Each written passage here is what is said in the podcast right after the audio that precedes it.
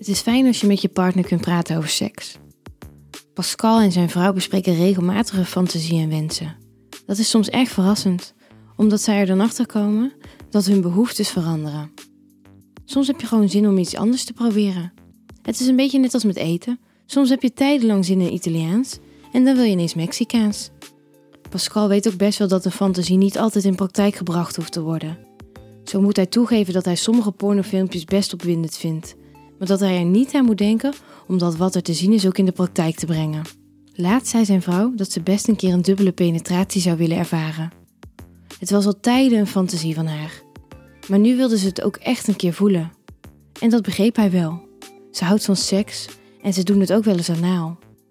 Als hij naar filmpjes kijkt van trio's met twee mannen en een vrouw, dan ziet het er ook erg opwindend uit als die vrouw gesandwiched wordt. Het probleem is een beetje dat hij er niet op zit te wachten om een andere man in hun slaapkamer uit te nodigen. Noem het ouderwets of bekrompen, maar hij moet er niet aan denken dat ze seks heeft met een ander. Ook niet als hij daar zelf bij is.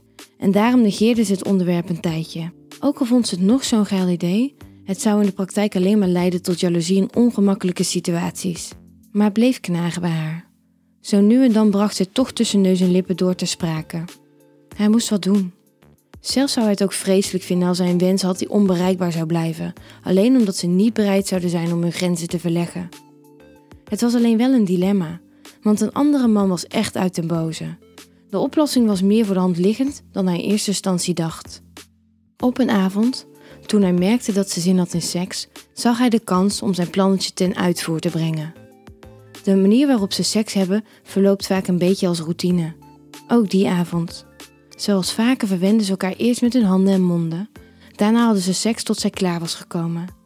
Daarna ging ze lepeltje lepeltje liggen en bood ze hem haar kontje aan. Wil je nog steeds een dubbele penetratie? fluisterde hij in haar oor. Ze kreunde alleen. Waarschijnlijk begon haar fantasie nu overuren te draaien en ze maakte haar rug hol om hem nog beter toegang te geven. Dit was het moment. Zonder dat ze het wist, had hij een glazen dildo gehaald. Hij was prachtig, met een dikke kop en ribbels. Hij was lekker zwaar. Pascal had hem verstopt onder zijn kussen, zodat hij het buiten haar zicht erbij kon pakken. Voorzichtig manoeuvreerde hij de dikke harde staaf tussen haar benen.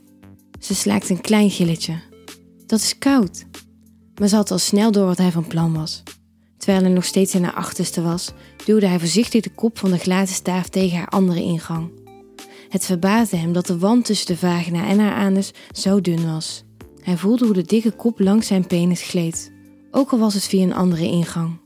Het was een heerlijk gevoel. Al snel nam zij de staaf van hem over, zodat ze het tempo en de diepte kon bepalen. Pascal wist niet wat hem overkwam. Elke keer voelde hij de dikke kop van de deelde langs zijn penis glijden. Ook zij werd er bloedgeil van. Neuk me, harder, kreunde ze. En terwijl hij het tempo opvoerde, begon ook zij steeds sneller te stoten met haar nieuwe wapen, tot ze bevend en schunnend tot een overweldigend orgasme kwam. Slechts enkele stoten later kwam hij ook. Toen ze eenmaal op adem waren gekomen, draaide ze zich naar hem toe en kuste hem op zijn mond. Dat was heerlijk, schatje, zei ze en ze bloosde een beetje. Wat een geweldig idee van je. En ze beloofden elkaar dat ze altijd hun best zouden blijven doen om elkaars fantasieën te blijven vervullen. Ook al was daar soms wat creativiteit voor nodig. Wil jij nou meer spannende verhalen? Luister dan naar Charlie's Avonturen, een podcast van Easy Toys.